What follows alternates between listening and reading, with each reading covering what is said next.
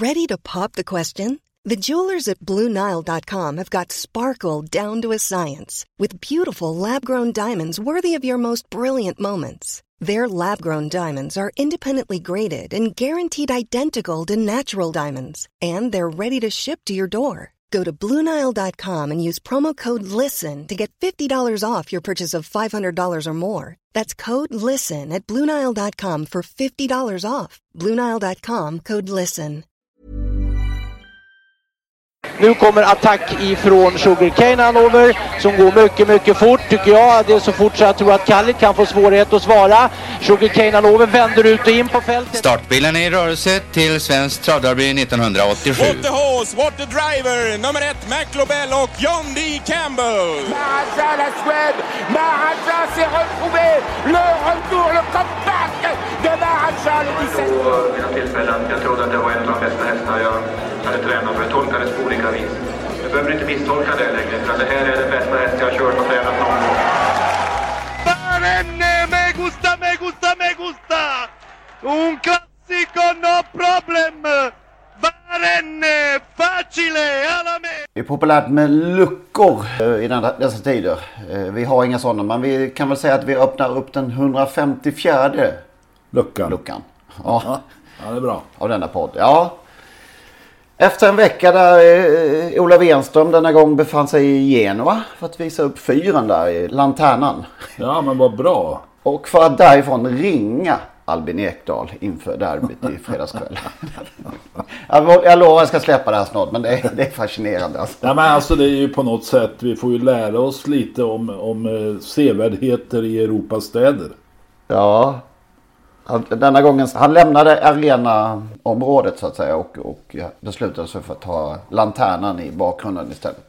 Den här gången. Det är den de spelar om där. Det kallas ju för Lanternans derby. Ja, och det blev inget lyft i omsättningen så mycket vet jag. Okej, det var så. Det har, Jag tror det var all time low. Ja, tre- 3,6 miljoner var det, så den där fyren lockade, ja det vet vi ju inte. Återigen, det kan ju vara Wenström som drar upp det. Det, det vet vi ju faktiskt inte. Han får ju stanna hemma en vecka får vi se. Ja. Ja, som sagt, jag ska- släppa det nu. Men eh, Nej, vi vill följa Renströms, Wenströms väg genom Europa. ja, okej då. Lite, han, är, han var ju så fantastiskt duktig som programledare. Det är ju liksom en av de bästa kanske vi har haft. Ja, men det, det är väl som eh, Lars-Gunnar Björknen och de där på sin tid när de inte fick vara med längre då eh, eh, skötte Lars-Gunnar eh, bingoutropen på Ålandsbåten. Okej. Ja, fin den var Ica Sisu. Ja, vilken läcker häst. Alltså ibland, eh, jag såg ju den här på, på Jägersro under derbyhelgen. Eh, Kom tvåa. Den har alltså inte vunnit eh, mer än tre lopp på, vad- nej två lopp va, på över, över tio starter. Hur går det till undrar man när man ser en sån uppvisning. Ja, Den där raden, raden var ju verkligen, för den som inte hade sett hästen så var det en sån här rad som ju, nej, V75-vinnare är det ju inte. Men tittar man på loppen så fattar man ju att det är, det är ingen icke-vinnare det handlar om, men, men raden var ju väldigt missvisande på det sättet. och sån, Fascinerande liksom. det är klart man kan aldrig få sju rätt när man garderar en sån häst. Chanserna minskar ju, så kan man ju säga. Drastiskt. Jag tog med en Ja. till och den blev ju faktiskt tvåa den här eh, Maria Törnqvist Simoni häst där. Så att jag skämdes inte jättemycket. Men ändå skämdes jag. Fan man kan gardera Icar och Sisu. Så är det alltid efteråt. Ingen tvilling. Nej det var ju också korkat. Jag satt och såg på en handbollsmatch på datorn så jag var lite förvirrad. och Kom på efteråt att jag borde ju spela tvilling. Såg ni, såg ni systemet hur det såg ut, det här som blev ensamt? Ja och den, de hade ju Icarus Sisu spik naturligtvis. Ja, spik på, på Bledugers också och just detta med att sitta med tio hästar i sista. Vilken, den fantastiska känslan att han hade bara följt de två han inte hade med. Ja men man ser alltså Det, det är också det. spik på två ganska stora favoriter faktiskt. Och ändå så går det att vinna hela potten. Snacka om att vara rätt ut också. Två helt stenklara. Ja. Det är ju jätte... Och så garderar man favoriter för att ah, man vill ju ha mer. Men det behövs inte alltid alltså. Vad snyggt spelat. Där kommer man aldrig att hamna liksom, det vet man. Eh, att sitta på en sån bång och ha tio i sista. Det kommer aldrig att inträffa. Jodå, men då vinner favoriten. Ja. Nej, jag, har varit, jag har varit ensam på VM5 en gång och eh, jag har konstaterat att det kommer aldrig hända igen. Nej. Eh, nej. Men ja, kul, kul det, att det har hänt i alla fall. jag också på Åby 1980 så att, och det har inte hänt sedan dess. Ja, då är jag närmare i alla fall i tiden. Vad var det? 2016 tror jag. Ja. Jag, jag väntar fortfarande. Det närmaste jag har kommit är väl att jag hade alla i sista V5 när jag var kvar. Det är väl det närmaste, men då vann ju såklart favoriten. Då blir man inte ensam. Det var några som faktiskt hade gett rätt, okej, okay, men, men det gick ju inte. Det var kul att sitta kvar med alla. Men eh, ensam, det har jag kvar att göra. Och jag var inte ens nära i lördags. Jag, om, om, du skämdes Lennart, så skämdes jag ännu mer. Jag valde ju att spika Garrett Book och det, och det var ju fullständigt... Ja, det var ju en, en kullerbytta, en, en mental kullerbytta av svårslaget slag, alltså som är svårslagen. Ja, detta visste jag inte om. Jag är lite skakad ja. faktiskt. Ja, Nej, men alltså det är ju, det är ju, vi kan ju, vi behöver inte gå in jättedjupt. Jag för min del gör ingenting att gå in på det, men, men jag tänker mest att det, det, är ändå fascinerande som jag skrev på Twitter. En häst som faktiskt, till och med i vår podd pratades om, som faktiskt kunde vinna Elitloppet inför Elitloppssöndagen i år. Och ett halvår senare så, så är hästen, ja han duger inte i guld, en vinterguld ens. Från ledning. Ja, och såg ju ändå fin ut initialt, alltså det var bara, men helt totalt. Det har runnit en del eh, under broarna sedan dess. Av både det ena och det andra. Ja, det är ju det det har och, det är för tråkigt att prata om ännu en gång. Men, men det var ändå just så billigt motstånd. Nu var ju Bledugers fantastiskt bra också, så det kanske inte hade spelat någon roll. När han väl fick, fick upp farten där. Det, det såg lite roligt ut när Björn satt och jobbade på honom där. 1100 kvar, det hände ingenting. Sen fortsatte han bara. Något annat som vi blev imponerade av? Ja, jag gillar ju Chablis Rib. Tycker hon är så läcker. Och nu fick hon det lopp hon ska ha bakifrån och med rygg på en bra häst. Och då har hon ju en våldsam speed alltså. Så att det är en härlig häst att titta på. Ja, väldigt fin faktiskt. Jag håller med. Det och fint härlig. namn. Chablis Rib. Så att eh, jag tyckte det var roligt. Axevalla häst också såklart. Ja, det är ju det numera. Men den var ju hos Leif Vitas länge. För övrigt mm. så vann ytterligare en ribbhäst i veckan. Och den är hos Leif Vitas. Och det är också ett vackert namn tycker jag. Juvelribb. Som Ulf Eliasson på Ribbingtorp äger själv. Som han inte, ja. Chablis Ribb äger han ju egentligen men har leasat ut henne. Sen hade vi skrällkusken Erik Adilsson också. Han kom, kom till Åby, han utnyttjade open stretch kan man säga. Ja, det var, båda därifrån ja. ja men han, för, Ja, första V7 var ju slut redan efter 150 meter kändes det som när han satt i, i rygg på Björn där för att Unico Broline, han såg ju så laddad ut i lördags så att det var ju, man bara väntade ju på open stretch. Det, det, är det som är skillnaden. På, på en vanlig bana hade man ju suttit och varit bitit på naglarna för att tänka att han kommer ju aldrig att komma loss. Han vinner ju med lucka, men det får han ju aldrig. Men på Åby blir det ju så, så det var bara att vänta. Vad tur att inte Corriere Boko var ännu sämre än vad den var då. För det kan ju bli en nitlott på det sättet också. Om, om på det sättet ja. är det, det är, han höll tillräckligt länge, ja. sen var det slut.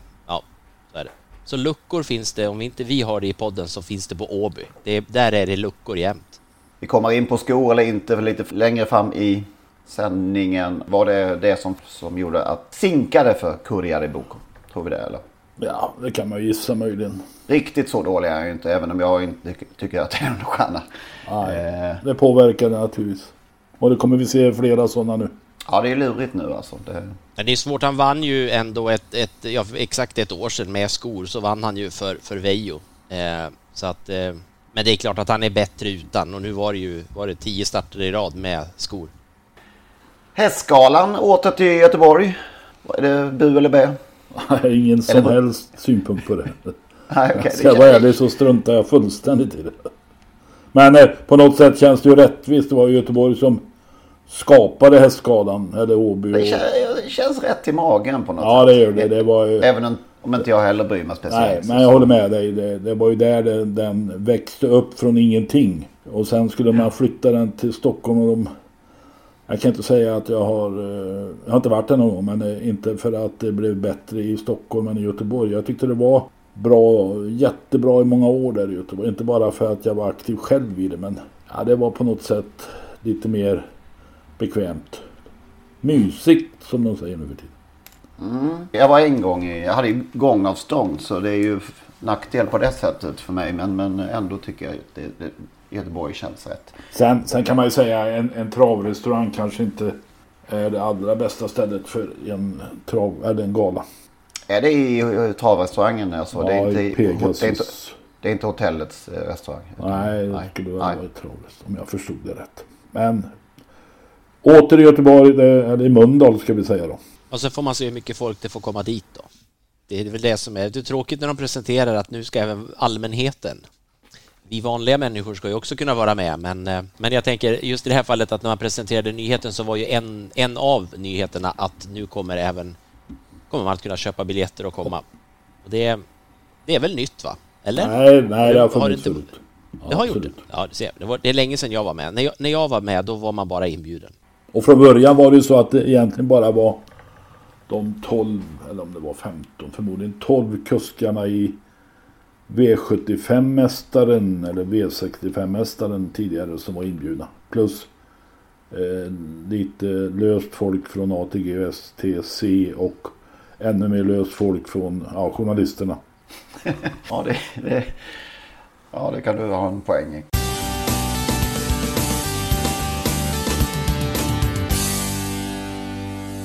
Och så fick vi det tråkiga beskedet i, ja det var dagen efter vi hade spelat in va? På tisdag förmiddagen där kom det nyheten om att eh, Bo William Takter har gått ur tiden. Ja, spontan känsla. Ja, det är klart att det är tråkigt. Eh, men det kom ju inte oväntat. Bo William har haft problem med hälsan i många år. Eh, det är som man kan tycka är positivt och det tror jag familjen också tycker nu det är ju att han på nytt visades upp i när han var som bäst och vilka stora framgångar han hade under ett antal år och vad han betydde för svensk travsport i synnerhet, eller i allmänhet och Jägersro i synnerhet. Och dessutom alltid lika elegant välputsade dojor. Eh, ren och snygg dress, ordning på grejerna. Och när han var inbjuden i någon intervju i tv med Staffan Lindeborg. Alltså elegant och så vältalig. En prydnad eh, då för svensk travsport. En PR-man för svensk travsport. Och så fick vi se alla hans, i någon kavalkad, alla hans stor, fina hästar och stora framgångar.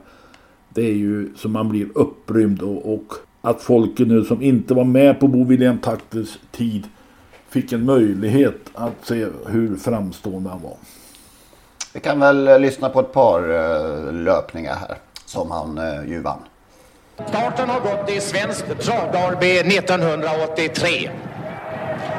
Så är det nummer åtta, Mikko Frippé, som angriper. Men det är nummer åtta, Mikko Frippé, som har kommandot. Och det kommer att bli nummer åtta, Nico Frippé med Bo William takter mot mål. Og starten er gået til syvende Copenhagen Cup, det var Ejner Fogh, der havde en kort fejl i starten.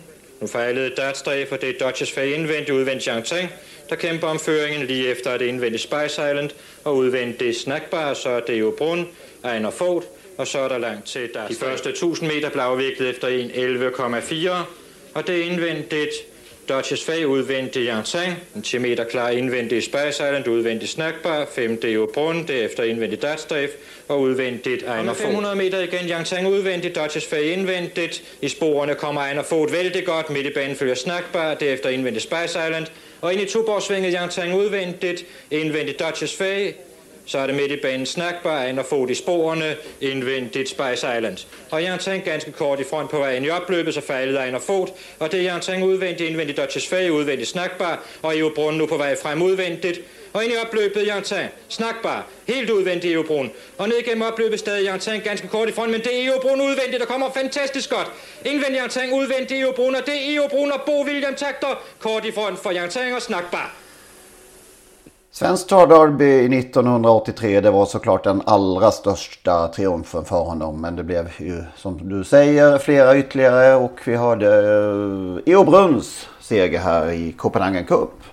Ja, där han satt 83. Ja, där han satt där som femte ekipage och de det var hård körning där framme med, med Ian Tan i döden. Så... alltså 11 första tusen 1983. Kan det ha gått snabbare än någonsin fram till det? Nej, kan, inte på ett 2-1 lopp. Jag blev helt chockad faktiskt. Det blev väl nytt världsrekord också. Ja, det var det nog ja. Och han satt lugnt där eh, en bit bakom dem och de körde. Han kunde var- knappt hänga med tycker jag. Nej, men det var Bo William Takter. De Högg och slag och så var Wallner inblandad med snackbare och så över upploppet så gled han bara förbi. En, elegant. Alltså det märkliga är, Eo Brunn vann Oslo Grand Prix i början på maj. På ett liknande sätt han spurtade förbi dem till 12 gånger.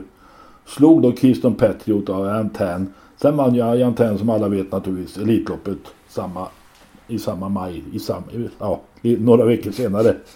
Där Eo Brunn, jag tror Jonny körde och galopperade bort sig i försöket. Bosse körde Busy Randy. Och så var det Copenhagen Cup. 12 gånger så hade gav Eo Brunn i Oslo Grand Prix. Så var det Copenhagen Cup. Han mötte ungefär samma hästar. Snackbar blev tvåa i en trea efter en eh, ja, tuff körning av Delanoë, Paul Delanoë. Och då gav han 24 gånger. 15 gånger var det inte? Det Så var det det. Jag tror det stod det på, på, på sändningen där. Men eh, ja, det var, det var högt i alla fall igen. Men det var danska kronor 15 gånger. Just det. Då blev det 24. Ja, det. Okej då. Men han gav höga odds båda gångerna. Det var ju lite märkligt. Och Eo Brunn var ju faktiskt uppfödd av en kollega till han, Kjell P Dahlström. Just det. Kommer ju därifrån. eh, Jag tror att eh, Kjell P tränade den först. Ja, Modelivs import. Det var ju, jag tror Jonny har- står en del om just Eo Brunn i eh, en viss biografi. Oj då. Där han då nämner eh, Eo Brunn. Eh, Johnny körde den en gång tidigt i, i, sedan de fick in den. Ett försök och finallopp på Mantorp. Urusel i försöket. Tog inte ett travsteg men ramlade ändå in som femma. Och eftersom det var eh, bara fem startande så kom den med till finalen. Då ringde Johnny till, eh, hem till stallet i Malmö. Där Bo William svarade. Och frågade vad i helvete jag ska göra alltså. Då, då sa han lägg, lägg på tåskor. Någonting sånt var det. Och kom ut som en helt, helt ny häst. Och vann också, också till högt odds finalen där i. Det är de små detaljerna som gör det och de små detaljerna var, var Bo William Takters kännemärke. Mm. Lite ensidigt på en del ställen har det blivit mycket av det här barfota-snacket tycker jag. För det, det, den bilden har inte jag fått när jag pratade med Jonny. Att det var inte, det var inte liksom så mycket. Det var precis som att de drog orden på varenda häst. Det var ju väldigt mycket filurande med balansen med hjälp av skor. Men det är det här Mikko P-syndromet eh, som alla såg och fick veta att det var. Och då tar man ju för givet att det hände alla hästar. Men det är, alltså man visste ju inget om skor på eller skor av på den tiden. Så att de, de som nu skriver och pratar om detta har ju egentligen ingen koll. Nej, lite så är det väl. Man placerar Bo William Takter i Mikko Frippé-facket där för all framtid uppenbart. Mm. Han hade väl en, en eh, synnerligen god hand också med hästägare har jag ju förstått. Var det någonting du såg av? Såg något, något av? Ja, men ja, absolut. Jag reste ganska mycket med Bo William Takter runt i Europa. Wien och Tyskland flera gånger. Oslo, Köpenhamn. Ja, men han var ju var även där elegant. Alltså. Han var ju en, en före detta bilhandlare och ska du sälja bilar så måste du stå på god fot med kunderna. Mm. Nej, det var roligt. Han, han säger ju Jonny att uh, hästägare efter en besvikelse eller en förlust kunde ju gå in i stallet och vara 1,60 långa när de, när de kom. Och sen när de pratade med, med, med Bo William och uh, sen gick de ut från stallet och var då 1,90 och raka i ryggen. Ja, jag kan tänka mig. det är lite roligt faktiskt. Han var ju likadan mot journalister. Alltså, han var ju fantastisk. Alltid cita citatmaskin möjligen, eller? Ja, det, han hade gått, gå- stått sig bra i dagens eh, klicktävlingssamhälle. Ja, just det. Får man rekommendera då att kanske ett julklappstips kan vara en, eh, ett exemplar av i boken om Johnny Takter. Då får man också mycket om Bo William. Stålberg, var är du? Nej, jag sitter och lyssnar. Jag tänkte säga det. Du är så ödmjuk, Henrik. Det är ju en självklar julklapp det där. Det är ju bara så. Det, och den är ju plötsligt aktuell då, men... men, men eh, jag, jag sitter och tänker... Jag, jag, det är ju så otroligt länge sedan. Han, han försvann ju på grund av den här olyckan, tyvärr, eh, ur rampljuset där. Men, men alltså, så det har blivit så många år sedan man såg honom och jag var inte speciellt gammal så jag har tyvärr väldigt få konkreta minnen annat än att namnet Takter var ett av de här travnamnen som ju gick rätt in i, i huvudet när man var så här kunskapstörstande och allt fastnade i huvudet också. Det var ju takter liksom, det fattar man, det är, det är bra grejer. Eh, och eh, som sagt, man, man, man kan ju bara undra hur, hur ja, vad, som, vad vi inte fick se också av William rent sportsligt på grund av den där olyckan. Kan man hoppas nu ändå att när Bo Vetakters liv eller travliv har vevats och skrivits som eh, vevats på tv-kanaler, skrivits om i tidningar och så vidare och på, på sociala medier att även de här som eh, tar ut, eh, utser de här i Hall of Fame, att även de har kommit på vilken stor tränare och eh, travkusk Bo William var. Men det är väl att hoppas för mycket. Ja, om det inte blir någon ny konstellation i, i eh, kanske krävs i eh, kommittén. Du vet, ut med foliehattarna alltså. jag vet inte. Ja, men jag, skrev ju, jag skrev ju på Twitter där eh, och det var ju egentligen en, en hommage till dig Lennart. Du har ju i flera år, om du inte har drivit en kampanj så har de ju i alla fall lyft upp den här frågan regelbundet att William Takter skulle in i Hall of Fame och det, det är väl det mest självklara val som inte har gjorts eh, inom svensk trav när det gäller att skriva svensk travhistoria. Det visar det väl om inte annat nu när, vi, när man, man skriver om, om honom och allting. Det, hur han liksom hur har kunnat glömma bort Bo William Takter i svensk travsporthistoria, det är ju inte speciellt bra om man är jätteförsiktig med orden. Man, eh, man har ju aldrig hört någon motivering. Jag fick någon motivering vid något tillfälle att han inte har vunnit något klassiskt lopp. Och det visar ju då att, att eh, derbyt med Mikko Frippé inte är ett klassiskt lopp. Och då ställer jag motfrågan Algot Scott som, eh, jag har inget emot att han är med i Hall of Fame. Han vann ju ändå svenska, allsvenska kuskligan en 11-12 gånger vad det var. Eh, som aldrig vann i klassiskt lopp, St. Ledger då möjligen. Och sen vann han Joby Stora men eh, de här klassiska ungdomsloppen eh, och det eh, vann han ju inte. Men det gjorde ju Bo William. Men alltså det finns ju någonting, någonting som skaver något så enormt. Fast jag borde sluta tjata om detta. Men det är någon jävel där som har yttrat att det kommer ske över min döda kropp. Och ska man vänta på det då kan man ju få vänta hur länge som helst. ja. ja, det kan bli drygt. jag säger som Nisse Forsbom, gamle hästägaren hos Sören Nordin. Han sa någonting så här att eh, det finns många idioter som inte är döda än. ja, då är vi på hugget.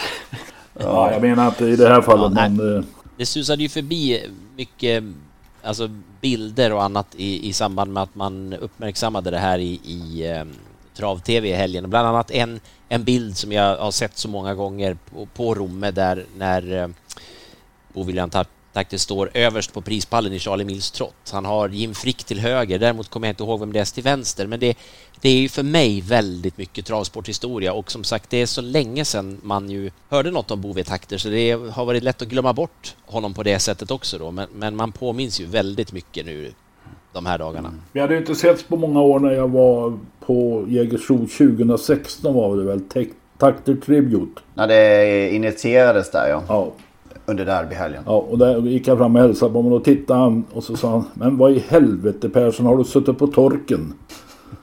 Vi hade, som sagt, vi hade inte setts på många år. Men sen la han faktiskt till, jag skojade. okay. Ja, det var ju, det var ju förnämt av honom. Ja, nej, man, när man hörde det här referatet från Jägersro. Dels, man vill, ju, man vill ju se hela loppet. Kan inte Jägersro lägga ut det på någon plattform? YouTube eller Facebook eller någonting. Man vill ju se derbyt hel, hela 83. Ja, man vill se en massa lopp som Bo William Takter vann, men i synnerhet det. Jag vill se Barock med Johnny Takter. Ja, det vill man också göra i, i lopp 10 där, Åbergskvällen. Eh, nej men och då, då man påmindes så mycket av hur det lät på Jägersro på den tiden. Liksom, att, eh, ja, det, var, det gjorde mycket i kroppen det här derbyreferatet faktiskt. Eh, det lät så härligt när, när eh, spiken ropade upp eh, namnet Bo William Takter. Det, det, ja, det ligger så bra i munnen. Ja, det är, trav, det, är ett av, det är nästan travnamnens travnamn. Ja, det, är det. Alltså det, är, det är ett av de där som tävlar om det i alla fall det finns bara en bov i takter. Ja. Eh, och han, han fick vi till travet. Det, det får vi vara tacksamma Jag minns en tisdagkväll när han vann med en häst som hette Willow Pride. Galopperade i sista kurvan och han, han ändå fram till, till segern. Men vinnare nummer 14 Willow Pride och Bo William Takter. Det var en kompis som ringde häromdagen och berättade eh, från Skara som berättade att han, en annan, en annan gemen, eller en gemensam vän hade ringt till honom och sa Jag har en klar på Färjestad ikväll, vi måste åka dit. Och då var Bo William där, han var tränare på Mantorp och hade en häst som hette Isak Bartz. Mötte Mimer med Björn Lindblom som var en jättebra häst. Mimer favorit 1,60. Och Isak Bartz bara blåste iväg från start mot ledningen och rullade över och galopperade. Tappade 50-60 meter. Kom tillbaka och utmanade, Isak, eller utmanade Mimer över hela upploppet. Men fick stryk med 2-3 decimeter sådär. Eh, och det var tungt att åka hem då som min vän där. Men eh, samtidigt så hade man ju fått en indikation på vad, vad Bo William kunde ställa till med. Ja, vi minns honom med allt höll jag på att säga, värme och... Men kan vi inte kan vi inte vända oss till våra lyssnare om, som kanske har något speciellt minne av Bo William och mejla Ja, det till tycker oss? jag.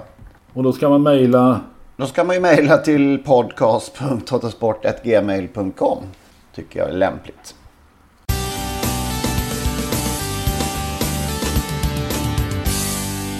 Men på tal om barfotakörning som kanske då blev lite överdriven i samband med Bo Williams-snacket från en del håll. Så det inträffade ju som sagt ändå. Och i synnerhet där, inför öppen ridå med Mikko Fipé i derbyt. Det var inget som jag eh, var medveten om, måste jag säga. Eh, att han gjorde så. Trots att jag var på plats. Det var mitt första derby på, på plats faktiskt. Eh, men jag har inget minne av denna scen. Men eh, vilken var vår första upptäckt? Eh, lämpligen för dig först, Len, Lennart. Vilken var din första? Lämpligen. Ja, just Eh, ja jag, jag tror jag sagt det förut. Det var 1973 Mantorpsloppet. Mm. Den här som heter Donkerman. Åby-tränaren Björn Sandberg. Blev tvåa i försöket. Det var försök och final. Tog av skorna och vann finalen. Och eh, då läste jag dagen efter om Donkerman och Björn Sandberg förklarade att han hade tagit av skorna. Och det var första gången jag förstod, eller förstod förstod jag väl inte, men eh, som jag blev medveten om att, att eh, man körde barfota ibland. Eh, på allvar alltså. Jag hade säkert hört det förut tidigare. Men just här fick det en, en tydlig effekt. Mm. Men det var ju fortfarande på många, många år väl in, ingenting som eh, förekom fre- frekvent. Att man fick reda på Nej, det är klart man inte fick reda på det. Det är ju först de senaste... Jo visst. är det, fem, sex... Jo det är ju sen eh, Gide Palema i år. Ja. Eller nej, Gide var det. Jo Gide Palema i Obistora där. Och så- då, tog det ju då fart. Var det, ingen som, det var ingen som ställde frågan och det var ingen som gick ut och berättade. Det gjordes ju i, får man säga, lundom. Kanske. Jag var ju började min eh, journalistkarriär på Guiden 1999. Jag har inte ett minne av att det var ingenting som det pratades om. Och ingenting som det frågades om i intervjuer och sådär heller. Så sent. Jag minns knappt eh, när, jag, när jag kom i kontakt. Det var, jag, jag vet någon gång att det blev ett jävla liv på Solvalla när Olle Goop i vinnarcirkeln eh, en sommarkväll berättade att det var ett lyckat drag att rycka skorna idag. Då, eh, då började det puttra lite i leden tror jag. Eh, Men jag, innan dess så jag var naivt eh, länge lyckligt ovetande. Det var ju alla mer eller mindre. Ja men så sent som i slutet av 90-talet var det här. Alltså. Ja, ja, jag tror att det var nog...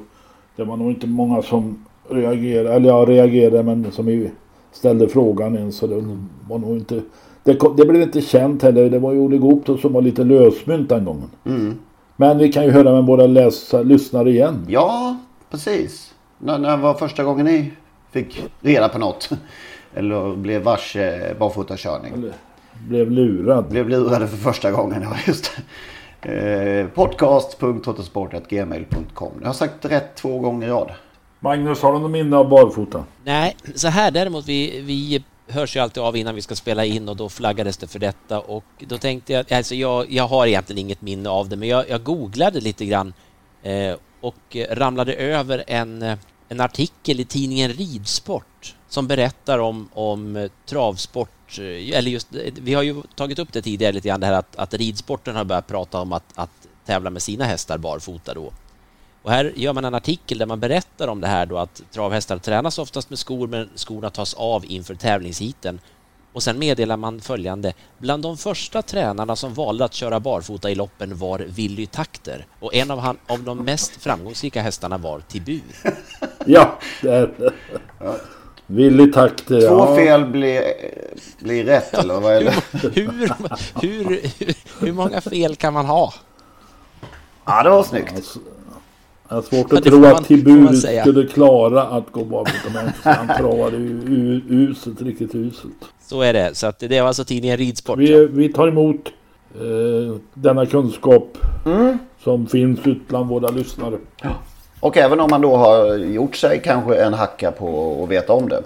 Ja, det blir ju ännu bättre. Ja, faktiskt. Alla tänkbara stories vill vi ha. Jag tänker så många gånger man har vunnit och torskat utan att ha någon som helst aning om att det var skorna Ja, eller ja, oj, oj. icke-skorna det berodde på. Jag har ju varit egentligen i hela mitt travliv helt ointresserad av två saker. Dels utrustning och sen också vad, vad kuskar och tränare tänker och tror och bedömer och säger. För jag, jag har ju velat gå på eget öga. Jag fattar att det är inte alltid optimalt. Det är jättebra att veta när någon rycker skorna och har kanske provat i träning och märkt att det ger effekt. Men det blir ju så oerhört informationstungt om man ska ha koll på allt. Men, men eh, Ja, ja, nej visst. Jag, jag, min, eh, jag gick in i väggen med jänkarvagnarna. Där, är liksom, eh, där var det över för min del. Jag ork, orkar inte mer. Nej, det, det, är lite så, det är lite så det är. det är. Man låter ju jättegammal och tråkig kanske då. Ja, det blivit, det blir något annat. Det blir ju det blir inte häst. Ja, tyvärr. Ja, ja, ja. Det är ju roligare att titta på hästen. Naturligtvis är det kul att se att en häst rör sig annorlunda som till exempel Jidde Palema gjorde då när, när Åke hade ryckt skorna och sen fattade man ju att det var det det berodde på och så vidare. Det är klart att man förstår effekt och så vidare så, men det blir... Nej, jag är ju mer fascinerad av hästar och sitta och, och, och tycka själv. Det har ju fungerat det också, men jag förstår att jag går på minor ibland när man får de här. Får veta efteråt någonting. Och det var skönare när man inte visste att man gick på dem. Ja, Så det kan man. just det som, det är väl det som är, det är väl just därför det, man går in i den där Ja. väggen kring det här att man, man vill inte veta, ja men hörde Ja. du inte, de slog ju på skorna. Ja, exakt. Jaha, jaha. Stefan Persson uttalade sig i veckan om ja, att det är ingen dans på rosor att vara framgångsrik catchdriver. Att man, det är inga stora pengar att tjäna var han ute efter. Han hade pratat med Bengt Adielsson och sen följde Sulkesport upp det tror jag. Han har ju kört in 15 miljoner i, under året. eh, Och blir ändå inte speciellt rik på sin travsport. Och Tycker vi något om det eller är det... Ja, men det visar väl lite grann att, att eh, en utav, ursäkta, han är, ligger i alla fall på 10, topp 10-15 listan. Jag tror han är på 15 plats.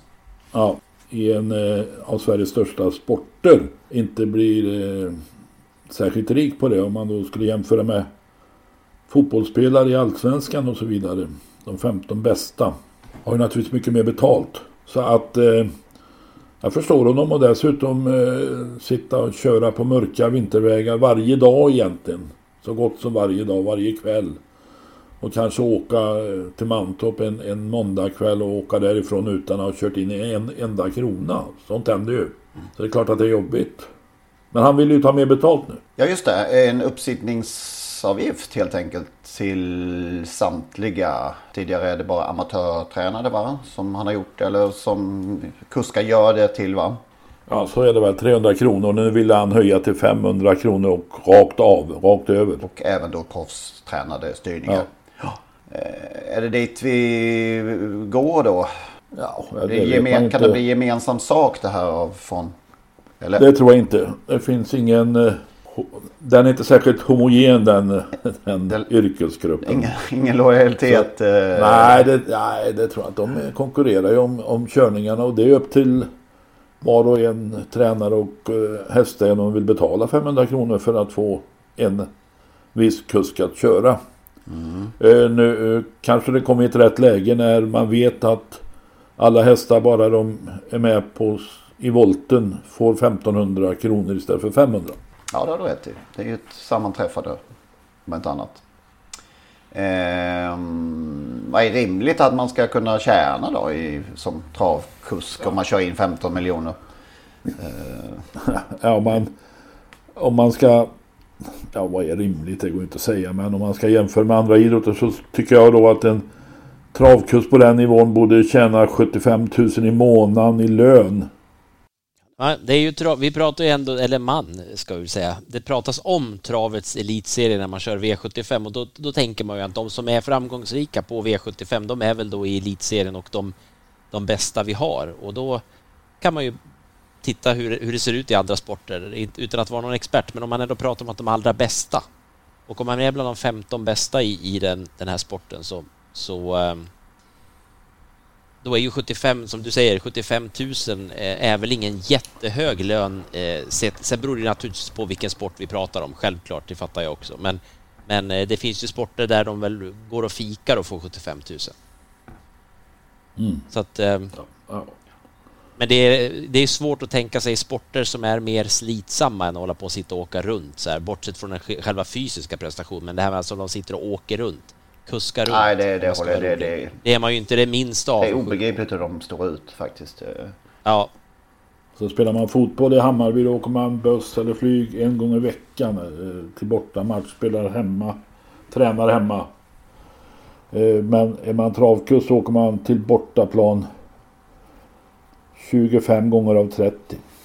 Ja, nej det... Ja, det det är, men det, man är ju inte, det är ju valfritt. Man är inte tvingad att vara bara kusk. nej. Men det är ju, det är ju intressant att vi, vi är där nu, alltså bara inom några veckors, eh, med några veckors mellanrum så har vi, har det pratats om eh, att det är brist på hästskötare och de eh, catchdriver vi har, en, en av de mer framgångsrika vi har eh, säger att det inte går att tjäna så mycket pengar som han vill. Det är ju, eh, det är ju tecken som signalerar något i alla fall om, om en sport som ju inte om, har aldrig någonsin omsatt mer pengar än vad man gör nu på spel. Men Men då kan man se den här eh, Carré eh, som är bäst nu bland monterryttarna som åker runt. Han kan inte ta ut 75 000 i månaden. Inte ens 25 000. Nej, det tog du ju upp i somras där och det, det, det, när du hade den där spaningen om just monterryttarna. Där är det ju, blir det ju extremt faktiskt. Ja, han måste vara den tappraste i hela, hela sporten. En tapperhetsmedalj Ja. där. Ja, Ja, vi får se. vi får se. Vi får se.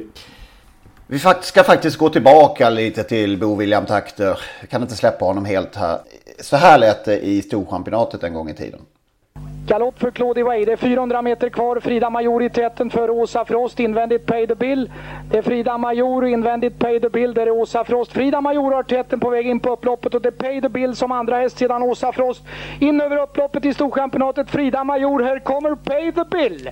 Och in på upploppet Frida Major och det är Pay the Bill mitt i banan. Frida Major och Pay the Bill slåss. Det är Frida Major och Pay the Bill som gör upp om Storchampionatet. Det är Pay the Bill på utsidan med lite grepp. Frida Major försöker där inne. Men det är Pay the Bill som är främst mina damer och herrar och det blir Pay the Bill! Det där minns du Persson väl? Ja men alltså det här går ju under rubriken minnesvärda tvåor. Ja.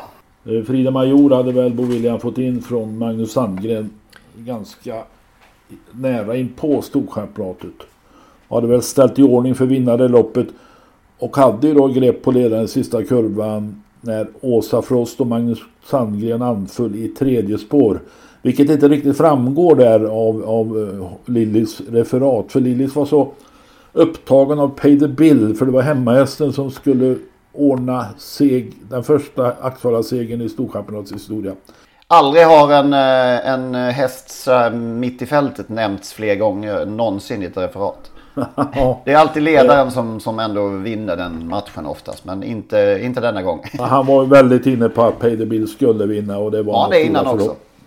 Ja, det tror jag. Det var kanske var den som gav 15 gånger. In, in, och, Ja, in- det tror jag. Och inte Georg Brunn. Jo, the Bill gav Ja. 15 gånger, det minns jag. Och eh, tack vare att Åsa Frost bröt ut så kunde ju Sven-Gunnar Andersson köra rakt fram där. Han behövde inte eh, runda Åsa Frost. Och, och han ju då upp Bo William och eh, Frida Major ganska ja, i god tid före mål. Det är fullt möjligt att eh, Peder Bill hade vunnit oavsett Åsa Frost utbrott eller inte. Utbrott. Brott. Utbrott. Ja. Var det glasklart? Det var inget... eh, Vi får dröja med resultatet här. Nej, nej, den bara bröt ut. Den ville springa hem. Såg inte så tydligt ut. Vad gjorde det? Jo då. Den, den, ja. Ja. Men alltså vi var inne på um, att vi kanske gick i nostalgi, sprängde nostalgitaket förra veckan med, med Speedy Magnus. Men, men den här startlistan alltså, den slår ju, slår ju priset. Nästan. Åsa Frost hade jag nästan glömt. Eh, Hon, den är underbara med hos eh, Magnus Sandgren. Visst, Hon hade väl galopperat Hon tidigt i loppet. galopperade ju också och kom i denna... Ja, ja, hon gjorde ju ett otroligt Helt lopp. otroligt, ja. Man kan också tänka sig att det fanns viss eh, antagonism här mellan eh, Takte och Sandgren eh, med tanke på Frida Majors flytt och de var väl rätt bittra konkurrenter i största allmänhet på den här tiden. Ja, Sandgren var bitter konkurrent med alla. Jag kommer ihåg när han skulle spöa upp Thomas Nilsson i Ja, just det. Jarlsberg var det väl va? Markon Lepp och Legolas. Ja, så han ville nog allt blåsa runt Ja, ja, absolut. Major där. Och, så, och tappade väl lite kontrollen över sin häst då. Ändå trea i mål till slut ska vi säga. Jo. Han kom tillbaka och var trea och Peder Bill var utan tvekan en värdevinnare och en viktig vinnare för Axvalla och för Sven-Gunnar Andersson. Och för Lillis då. Mm. Men Frida Major var det vi sökte som minnesvärd tvåa helt enkelt. Här. Också ett fantastiskt sto. Vann St. Ledger med Jonny på, på hösten sen tror jag. Ja. Faktiskt. Det är väl inte så många, många ston som har vunnit Det har du nog rätt i. det loppet. Så länge det körde som det ska höll jag på att säga. De sista åren har det varit något tilläggsspektakel. Ehm, men vi har fler två. Den här... eh, Alltså man kommer ju inte ihåg... ehm, Man kommer inte ihåg vem som var två efter Gambol i Elitloppet. Det gör man ju inte. Jag kommer ju knappt ihåg vem som var etta. Nej. Det finns ju vissa årgångar som man... Det, är, det skulle vara omöjligt att ta det. Men det här årets silvermedaljör tar man ju utan problem. Fyra Jarra Boko närmar sig. Längre ut kommer nummer två Rapidebell. Ett Madness ser stubb. Det är fyra Jarra Boko som har greppet. Jagas av två Rapidebell. Längre ut kommer åtta Brioni. Just nu två Rapidebell. Här kommer nummer åtta Brioni. 100 meter kvar till mål. Just nu Frankrike. Två Rapidebell. Åtta Brioni närmar sig. Två Rapidebell. Åtta Brioni sida vid sida. Och det är stenhårt! Jag tror faktiskt att det blev Sverige. Kan det vara Johan Edlunds bästa referat faktiskt? Ja, det är kan jag inte bedöma riktigt. Ja, jag tycker det är enormt faktiskt, måste jag säga. Eh, Rapid Level ledde ju nästan in, in till mål där efter att ha kopplat greppet eh, efter sitt ganska tunga lopp för mig va? När Brioni dök upp. En, eh, ett lopp vi aldrig glömmer. Och Erik Raffer är... Jag vet inte, han, det, det blev så konstigt när han var, åkte fram till vinnarcirkeln och eh, man blev lite förvånad. Vad gör han pojken? Ja just det, för Lövgren var väl ganska klar på att han hade Ja, vunnit. eh, Raffer ville väl tacka publiken. Ja så var det väl. Men, men eh, det var ju lite, ja man fick lite lurigt var det. Men det var vackert det också. På tal om att hylla en tvåa. Så. Ja, men vi har ju fått eh, härligt instick från vår Paris-vän Jack. Eh, som ju går på Vincennes eh, med jämna mellanrum tror vi. Först den oturliga Fakidu Vivier. Som kom tvåa efter stallkompisen Grand Prix. Uttalade jag det rätt då? Grand Prix. Ja, som sen blev avvisnings till Sverige. Okej. Okay. Prix 1978. Båda tränade av spelstötaren tillägger han. Pierre Desiré Allaire. Eh, Philippe Allaires pappa alltså. Ja. Som var avstängd i många år och som stod på motorhuven utanför eh, staketet på Vincennes och följde loppen med kikare. Ja, just det. Det var alltså Allaire som höll i tömmarna på Grand Prix som således vann. Och han var inte favorit. Till, Nej, till, självklart inte. Men Fakiren lägger eh, Jack till här då. Blev också pappa till den dubbla tvåan i PDA. Vorasi. Eh, som vi ju såklart minns när Ina Scott eh, speedade förbi henne 1995. Hon var brorsa med Orasi som ju vann fyra gånger som vi känner till. Eh, Fakiren således tvåa själv och pappa till en som var tvåa två gånger. Surt. Ja. Ja. Våra, våra Si var ju på väg till segern där när eh, Ina Scott vann 1995. Mm. Och året innan förlorade ju hon mot eh, Sikav. Ah, hon var tvåa Som- bakom den alltså. Okej. Som ledde med 150 meter. Ja visst. Som man sprang. skrattade länge åt att det här kommer ju aldrig att gå. Nej, Vorasi eh, tränades ju av... Vorasi tränades ju av Leopold Ferrocken. Kördes eh, då, det var ju väl i slutet av Ferrockens karriär kanske. Kördes av hans lärling Bernard Aucher. Och han var så nära sitt livs triumf när Helena Ann dök upp. Mm. Och det är vi glada för att han inte fick. Ja, absolut. Självklart. Han nämnde också Fakir Duviviers eh, brorsa Hadold Duvivier som ju vann Elitloppet, Åby Stora och eh, Stora lopp i Frankrike också. Körde in 8 miljoner och vann 23 av de 24 första loppen han deltog i, skriver Jack. Men blev varken etta, två eller trea i PDA. Han blev sjua och åtta och fyra i sina PDA-starter. Men oturen slutade inte där för han blev kidnappad 1984. Ägaren vägrade dock att betala det här kravet som kidnapparna hade och eh, Hadol Duvivier kom tillbaka efter några dagar faktiskt. Ja, det tror vi inte. Det, tror vi på det där med lösensen att man vägrar betala och får tillbaka? Ah, jag tror ju det. är veka kidnappare i så fall får man säga. Ja. Har ni fina tvåor som Jack så mejla in. Adressen har ni fått ett par tillfällen denna i denna podd. Eh, på tal om Frankrike då så var det ju Prix de Bourbonnais. Bortkörning av? Ja, han förlorade. Det är ju TN och 10 och sånt där va? Ja. Eh, Facetime Bourbon. Eh, jag läste någon intervju med Erik Raffär. Vi blev slagna men är inte nedslagna. Mm -hmm. Etonan var ju faktiskt tvåa förra gången de möttes bakom Facetime Bourbon. Nu vann Etonan till 34 gånger och sånt där va. Facetime Bourbon fick ett tungt lopp tycker jag. Men Entonant fick vi minst lika tungt lopp. Och det avgjordes väl när eh, Erik Raffär ryckte undan i början på upploppet. Det var lite onödigt. Etonant höll farten bäst. Antonio Barrière, tränare Rickard Westerink.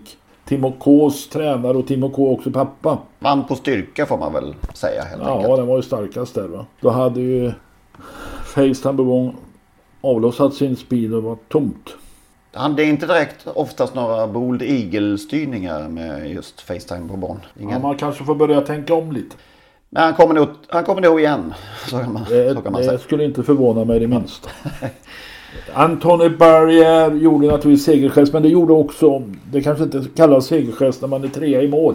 Eh, men Christoph Marten som körde Rebella Matters, den norskägda, det norskägda stort gjorde någon form av segergest när hon spurtade in till tredjeplatsen. Och det är, alltså hon blev tvåa i storderbyt för några år sedan hemma i Norge efter Hilary BR som sen blev skadad. Frode Hamre tränade Rebella Matters. Nu är hon klar för Prix d'Amérique. Ja, det, därav eh, segergesten kanske.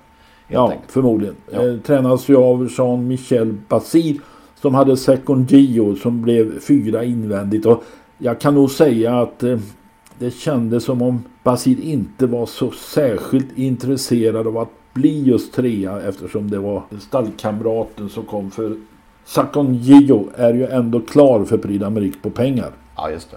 Kan nog vara en rimlig spaning. Det, eh, det Ganat de Banville inkvalad senast. Det är Bella Metters nu. Second Gio. Så har han Davidson DuPont. Så att han kommer ha åtminstone fyra hästar i Prix d'Amérique den gode Basil.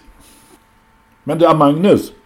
Din häst var ju med igår på, eller i söndags på Vincennes. 50 cent piece. Ja, jag får erkänna att jag har noll koll. Jag såg det att, att hon skulle starta, men nu när du säger det så inser jag att jag har glömt att kolla hur det gick. Det var två av dina favorithästar med. Sayonara spurtade vass. Ja, just Sayonara också. Sayonara, ja, ja så heter hon. Fjärde invändigt. Björn Goop körde spurtat andra priset. Fick 25 000 euro. 50 cent piece fick ett lite ryckigt lopp och var slagen tidigt. Havanäs vann. Eh, det säger inte så mycket. Tredje raka seger. Men tränaren Frans Pierre Bossé är en son till Jean-Baptiste Bossé. Han som vann Prix d'Amérique med Tenor de Baun. Nu är ni tysta. Minns ni inte det? Jo då. Ja, det är bra. Och dessutom var tränare till Droya de Bois som vann 1997 eh, med Jos Verbeck i sulken.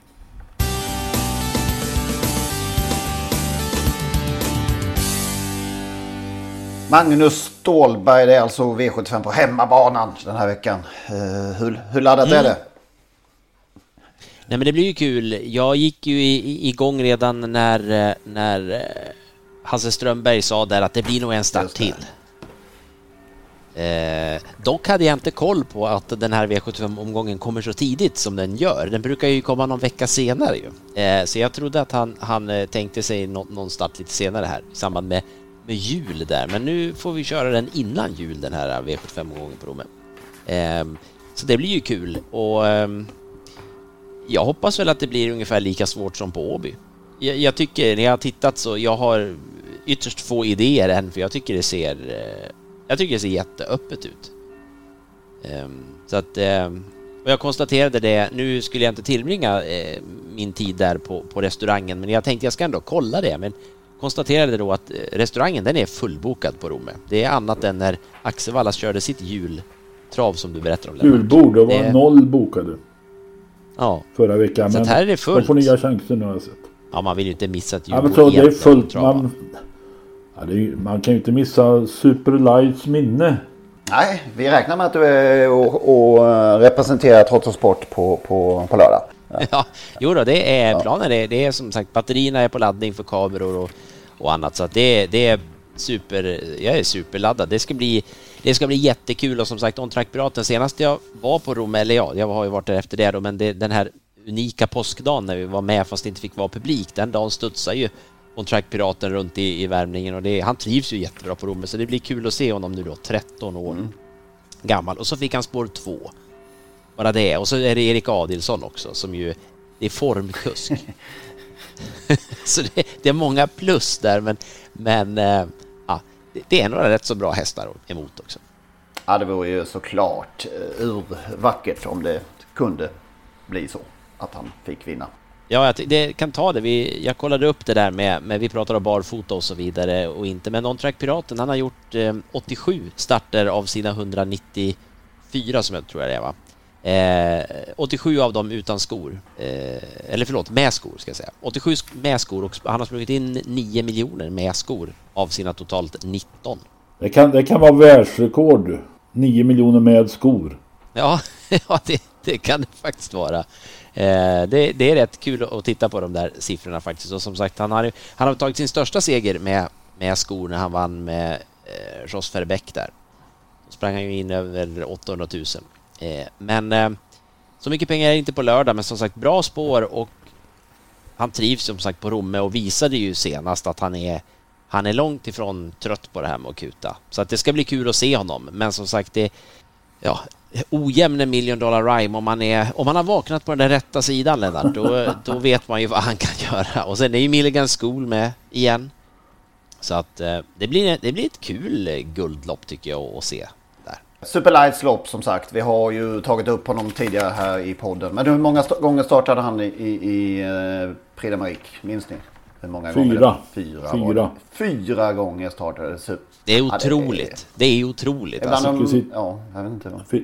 Fick ju sitt genombrott eh, på Vincennes när han vann eh, något lopp där på hösten 2003 och sen började nästa år med tre raka segrar. På något sätt så känns det ju som, som det här var, eh, var det så, Jörgen Westholms genombrottshäst. Det får man väl på riktigt allvar säga i alla fall att det var. Största segern Oslo Grand Prix. Vann ju just eh, nämnda körda i helgen Prix du Bourbonnais också 2006 faktiskt. Mm. Så bara en sån sak. Tror du mest på en eller? Nej, det kan jag nog inte säga. Jag hopp, det, det är ju hjärtat. Det vore ju så fantastiskt roligt. Eh, men eh, jag vet inte det. Alltså men något det... million dollar rhyme över 2,6 är man väl tveksam på, eller? Ja, ja, men då, det gäller ju att köra på rätt sätt nu. Det har vi ju lärt oss med, med Million Dollar Rhyme. Det, det ska ju inte köras något från början och helst inte i ledningen heller. Men... men eh... Han var ju tvåa där på Vincennes nyligen över 2850 meter. Mm. Det var på stybben. ja, det var på Ja, precis. Han är klart gynnad av det naturligtvis. Det, det ja. vet ju alla. Får han sitt lopp eh, och får spela ut sin speed på upploppet så vinner han naturligtvis det här. Mm. Han blir i alla fall stor favorit det kan jag säga. Det kanske den blir. Eddie West, vinner inte den uh, silverdivisionen då? Uh, fram och baklänges. Ja. ja. Det blev ju bara tio hästar i det loppet också. Uh, och sen, sen, nu vet jag inte om Urgent Call hade varit någon, någon vinnarhäst så i, kanske i det här loppet efter, han har ju ändå kommit tillbaka nu men, men han fick ju bakspår så det var väl inget bra. Och sen blir det väl tuta och kör för, för um, Åke Lindblom där med Chapuis också. Det är han kanske inte ensam om, men nu fick han ju spår två i alla fall. Men, men Åke brukar ju... Jag har faktiskt åkt nästan ända ifrån Örebro bakom eh, hästbussen med Åke en gång när han skulle åka dit och vinna med Chapuis. Så att um, han, han, brukar trivas på Rom med Chapuis. Det är det där med skor igen där va. Mm, Eddie West mm. eh, brukar väl springa barfota. Ja, Fan också, jag tänkte inte på det. Som vanligt. Nej, jag kan säga att är det, är det någon idé jag har den här veckan tidigt så är det ju Morotai Degato i det loppet. Så Jaha, att, eh, det är många. På det sättet är det lite tråkigt eh, att jag ska spräcka din spik i sista där. Nej, men jag Morotai Degato nu från, från i, ett, i ett litet fält och vet man någonting om, om honom i alla fall så är det ju att han, han går ju med skor. Det fungerar ju. Han har ju vunnit lopp med det. Så att, eh, det gör även Four Guys Dream i den första avdelningen. Den vann med skor senast på Mantorp. Ledningen såg jättefin ut hela vägen. Han är lite ojämn den där kraken men eh, nu har han ett bra läge och får ledning och möter ganska ihåligt gäng. Det är bara att börja med en spik där, nummer tre Four Guys Dream. Tar han ut eh, uppsittningsavgift även av sin bror? ja, det tror jag han gör. Ja. Det tror jag. Ingen, ingen rabatt där. Nej. Sen har jag en lit, en skrällbud i avdelning 3. Point to point. Mm. Mött enk, enkel motstånd men vunnit från bakspår de senaste starterna. Senast vann han med skor. Bra läge nu, sport 2. Duktig kusk i Mikael Lindblom. Den ska man absolut ta med. Skräll? Ja, halvskräll. Halv. Jag vet faktiskt inte men eh, han kommer inte bli favorit så mycket kanske. För det blir nog Stefan Persson med eh, Global Bodyguard. Jag tänker på det att, eh, att bli glad av start och se On Track Piraten i startlistan. En annan sak som var rolig när listorna kom, det var ju faktiskt tycka kallblodsloppet. Att, att det är faktiskt flera fina hästar med där, men just att, att eh, Alf och Jimmy Jonsson kommer ner med Technojärven. Det ska bli kul att se Technojärven live. Jag hoppas han är precis så där vild och vild och skötsam som han var senast. Jag är ganska säker på att eh, Alf inte åker med. Han stannar hemma och ser det i fåtöljen. Nej, så blir det säkert. Eh, men han får i alla fall eh, njuta segerns sötma kanske då som tränare där. Men det ska bli jättekul att se Technojärven, tycker jag. En sån spännande Nu när inte eh, Månlycke kommer den här gången då. Men det blev kul ändå med, med Tangenhop och, och Technojärven bland annat där. Så det finns förutsättningar att det kan bli, kan bli kul på, på Rom. Jag är lite orolig för det här eh, som vi såg på Örebro häromdagen, den här dimman som kan bli nu när det är mycket snö på backen. Och är det någonstans det kan bli dimma också så är det ju på, på Tunaslätten. Ja, nu är du väl det vore ju... pessimist överkant. nej, det ska jag verkligen inte vara. Men vi ska komma ihåg... dimma i början på veckan. Nej, nej, nej, lägg ner. Det är så här att det var ju en, en, mer eller mindre en sanning en gång i tiden när, när Bernt Martinsson var sportchef på Romme där att när, när det var dags för, för V65 då och sen senare V75, men V65 på Romme, då blev det ju skitväder. Det ställdes in tävlingar och det var ja, det ena med det andra. Nu är ju Martinsson bara där och, och eh, är social så att han har väl kanske inte den, påverkan längre med, med vädergudarna. Så att, eh, eh, nej, men det ska vi såklart inte hoppas. Men eh, när jag såg Örebro där, då påmindes jag om det här som kan hända när det är det här. Ja, det är som Halmstad och Sprintermästaren en gång i tiden. Det, det är alltid eh, öste ner eh, varenda första torsdag i juli. Men det har väl hämtat sig sist, sista ja. åren. Ja. Nu ska Lennart Persson titta på handboll och snart börja också Roma, Roma Spezia ikväll här. Så nu ha det så gott. tackar vi för idag. Hej! Hej, hej. hej, hej då!